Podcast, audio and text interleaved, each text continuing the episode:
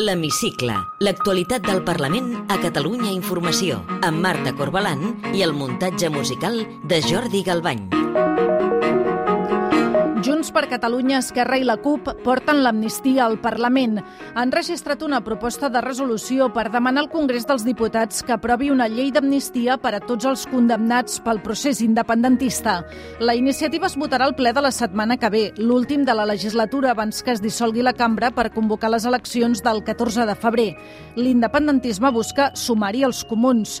Avui entrevistem la diputada del PSC, Alicia Romero. Benvinguts a l'Hemicicle. Els grups independentistes demanen al Congrés que impulsi una llei d'amnistia per a tots els condemnats del procés que abraci des de l'1 de gener del 2013 i fins l'entrada en vigor de la norma. La proposta que es debatrà al Parlament és una declaració d'intencions sense efectes jurídics. És, podríem dir, un gest de pressió al govern de Pedro Sánchez, tot i que el PSOE ja ha deixat clar que l'amnistia no té cabuda a la Constitució.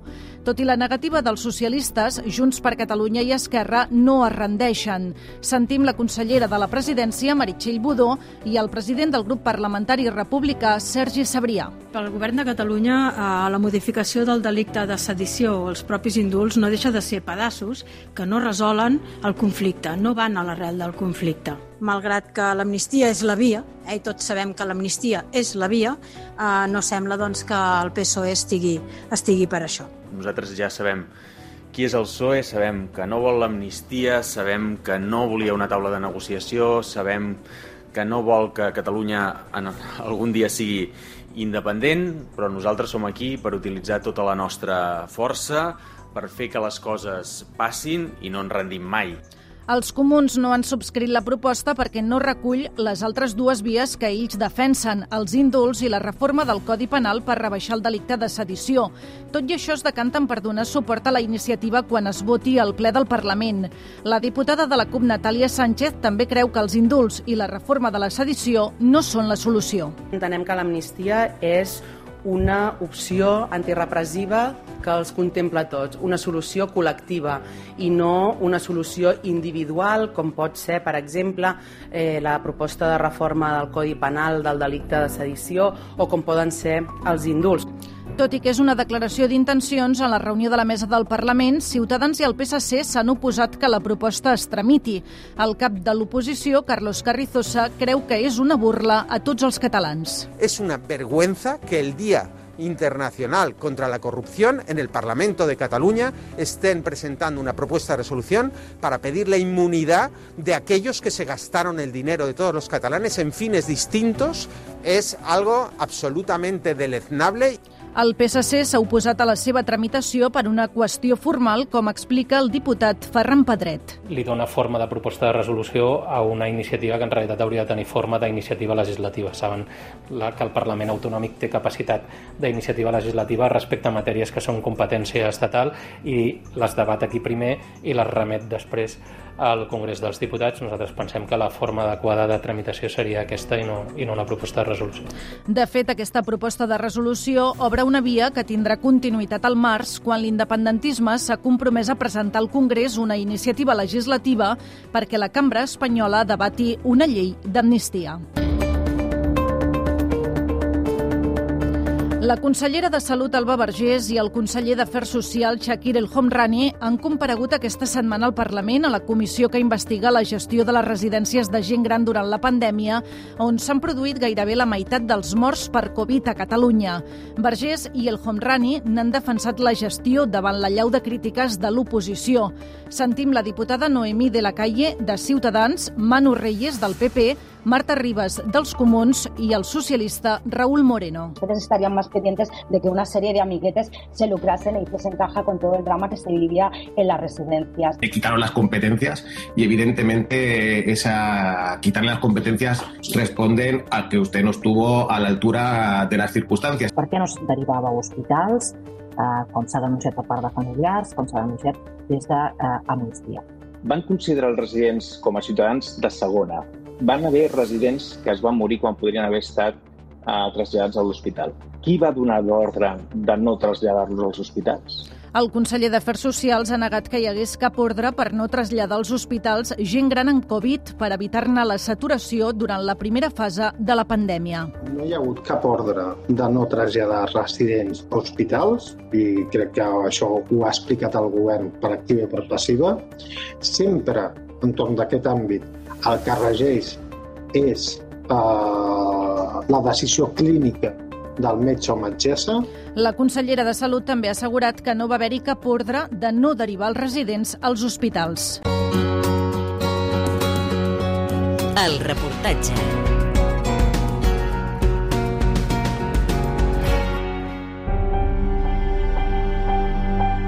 Reprenem la, la sessió amb el setè punt de l'ordre del dia, que correspon al debat a la totalitat de la proposició de llei de creació del Centre Català d'Empresa i Drets Humans, d'acord amb l'article 116 del reglament. Debat a la totalitat, proposició de llei, són algunes de les paraules que es fan servir habitualment al Parlament.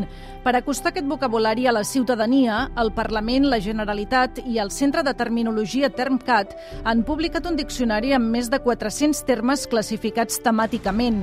És el diccionari de l'activitat parlamentària i es pot consultar en paper i en línia. Agustí Espallargues és assessor lingüístic del Parlament i responsable de terminologia. El destinatari del diccionari és, uh, és bastant divers. Està mig camí entre la, la divulgació i l'especialitat. Té un format de, de, de diccionari terminològic especialitzat, però s'intenta que, la, que les definicions i les notes uh, siguin prou entenedores pel fet que, que és, un, és un món molt proper als ciutadans. El procés independentista ha situat el Parlament durant molt de temps al centre de l'actualitat. Per això ha crescut l'interès pel vocabulari de la cambra. Pot haver-hi ara més interès per un cert tipus de vocabulari en el món del Parlament, que potser fa uns anys no, no hi era, perquè ha estat molt, molt a la primera línia, no? als titulars de, dels mitjans de comunicació.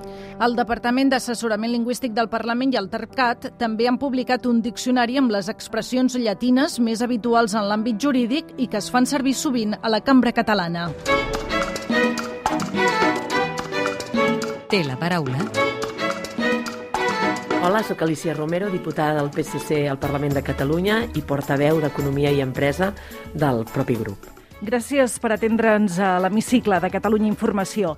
Estem enfilant ja la recta final d'aquesta legislatura. Com la definiria? una legislatura perduda, una dècada perduda i necessitat de canvi eh, per intentar doncs, eh, recuperar aquest temps perdut. S'acaba la legislatura i el conflicte polític entre Catalunya i l'estat espanyol, podríem dir-ho així, segueix encallat. La taula de diàleg entre els dos governs només s'ha reunit una vegada i sembla que no hi ha perspectiva que es torni a reunir en breu. Què proposa el PSC per desencallar aquest conflicte? Bé, el PSC el primer que diu és que el conflicte no és entre Catalunya i Espanya, o en tot cas no només. Hi ha un conflicte dins de Catalunya. A Catalunya hi ha el 50% eh, aproximadament no, dels ciutadans que estarien a favor de la independència, el 50% que no, i per tant haurem d'arribar a algun acord en aquí per veure quin tipus de, de, de, de projecte comú tenim, perquè està clar que el 50 no pot imposar l'altre 50 eh, allò que, que no vol. I per tant, en aquí hauríem de ser capaços, i això el PSC fa molt de temps que ho diu, un pacte entre catalans sobre què volem, i després quina relació, el que volem entre nosaltres i quina relació volem amb l'Estat. Jo crec que l'Estat i el govern d'Espanya ha donat eh, gestos no? eh, per aquest diàleg, per, aquesta, per intentar aquest acord. S'han aprovat ara fa poc els pressupostos generals de l'Estat, amb, amb acord de partits catalans, entre altres del PSC, però també el PDeCAT o Esquerra Republicana, i a nosaltres això també ens sembla un avenç. És a dir, ser capaços de posar sobre la taula allò que ens uneix i no allò que ens separa en benefici dels catalans, que és el que s'ha fet, per exemple, en aquests pressupostos generals de l'Estat. Junts per Catalunya, Esquerra i la CUP portaran al ple de la setmana que ve, l'últim de la legislatura, una proposta de resolució per demanar al Congrés dels Diputats l'aprovació d'una llei d'amnistia. Què votarà el PSC? Nosaltres em sembla que la porten al proper ple, aquesta proposta de resolució, nosaltres hi votarem en contra, perquè l'amnistia reconeix que hi ha presos polítics a, a Espanya, i això no és així, i no ho diem nosaltres, ho han dit institucions europees i internacionals, eh, hi ha polítics que estan a la presó per, unes, eh, per uns delictes que van cometre, però en tot cas no hi ha presos polítics i per tant no hi ha lloc a, a una llei d'amnistia. Crec que en aquests moments estan tramitant els indults que s'ha demanat per, per aquests polítics. També hi ha una línia engegada a iniciativa doncs, de, del govern d'Espanya de modificar el delicte de sedició per actualitzar-lo en, els moments, eh, en els moments que estem vivint i, per tant, crec que cadascú està fent el que li pertoca. Però no em sembla que una llei d'amnistia, a més a més, entrada a l'últim ple, a correcuita, eh, doncs, eh, sigui la manera també de desencallar un conflicte que és polític i no judicial, i que, per tant, doncs, hauríem d'intentar que pels, no pels camins polítics es pogués resoldre. Veu factible que el govern de Pedro Sánchez pugui acabar indultant els presos independentistes? És una obligació del govern d'Espanya de, tramitar els indults i, per tant, ho està fent. Si no ho fes, prevaricaria, i crec que no estem d'acord amb on nosaltres ho volem, que els governs prevariquin i, per tant, doncs, veurem. Crec que estan fent la seva feina i, en aquest sentit, doncs, estarem a l'espera el que decideixin i ho respectarem, com no pot ser d'una altra manera. Vostè també en comentava abans la via de la reforma del Codi Penal per revisar el delicte de sedició. Els comuns estan pressionant aquests dies al PSOE perquè aquesta reforma es pugui aprovar abans de les eleccions catalanes del febrer. Veu factible aquest calendari? Bueno, jo crec que els tràmits legislatius són lents, no? I tenint en compte que ara doncs, anirem a les vacances eh, nadalenques i que crec que el, el Congrés inicia l'activitat l'1 de febrer, crec que és tot el gener per ells és inhàbil, em sembla una mica precipitat, diguéssim, no? El primer secretari del seu partit del PSC, Miquel Iceta, ha repetit per activa i per passiva que no pactaran amb Esquerra Republicana després de les eleccions. Per tant, si els resultats ho permetessin, no hi hauria un nou tripartit del PSC amb Esquerra i els Comuns. Amb qui pactarà llavors el PSC? No, el Miquel Iceta no ha dit això. Miquel Iceta ha dit que no pactarà amb un partit que tingui com a objectiu la independència. I, per tant, això no és el mateix Esquerra Republicana evidentment, si Esquerra Republicana decideix que la seva prioritat és la independència, no pactarem amb ell. Si Esquerra Republicana se n'adona que en aquests moments és inviable la independència, ni en aquests ni en els propers anys, i decideix que la seva prioritat és el benestar de les persones i de l'economia, i per tant posa en un segon nivell aquest element per nosaltres tan important, doncs eh, ja en parlarem. El que està clar és que no sembla que sigui això el que farà, perquè ara ens presenta una PR sobre amnistia i segueix doncs, amb, aquesta, amb aquesta unió que només eh, els, els ajuda a fer un, una fotografia quan parlen d'independència, no? perquè justament amb Junts per Catalunya només els uneix això, pel que sembla, no? per les abraes que tenen internament. I jo crec que això Esquerra Republicana ho sap, però també crec que Esquerra Republicana ha deixat molt clar que amb el PSC tampoc vol pactar, no? i que el seu soci natural és Junts per Catalunya, que l'altre dia ho deia el vicepresident Aragonès, que ells van recusar Artur Mas, van recusar el president Puigdemont, el president Torra, doncs, bueno, doncs ara a la presidenta Borràs, no? suposo. Si fem cas de les enquestes, Vox entraria al Parlament després de les eleccions del febrer. Creu que s'ha de fer un cordó sanitari contra l'extrema dreta? Totalment.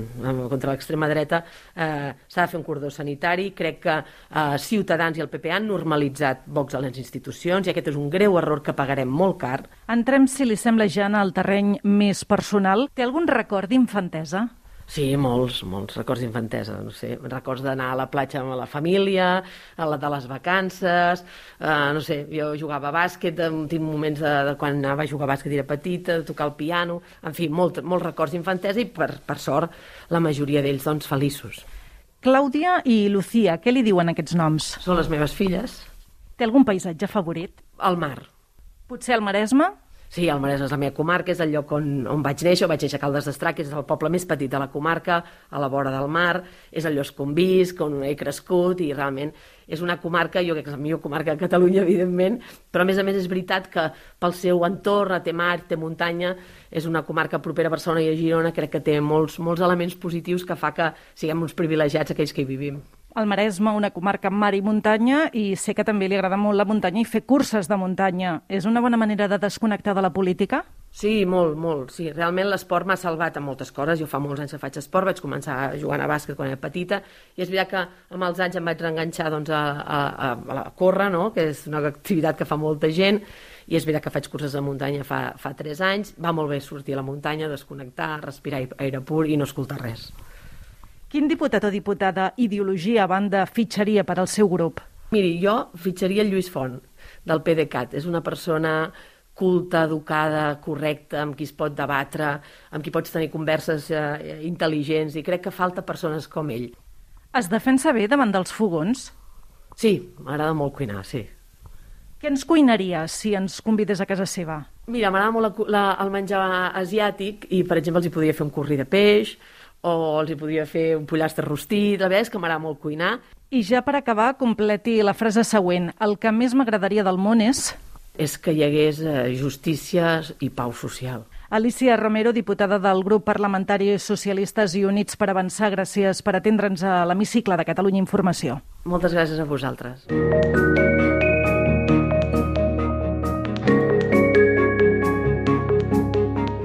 Tornar a escoltar l'hemicicle al web catradio.cat barra hemicicle o al podcast del programa i seguir l'actualitat del Parlament al perfil de Twitter arroba L-hemicicle.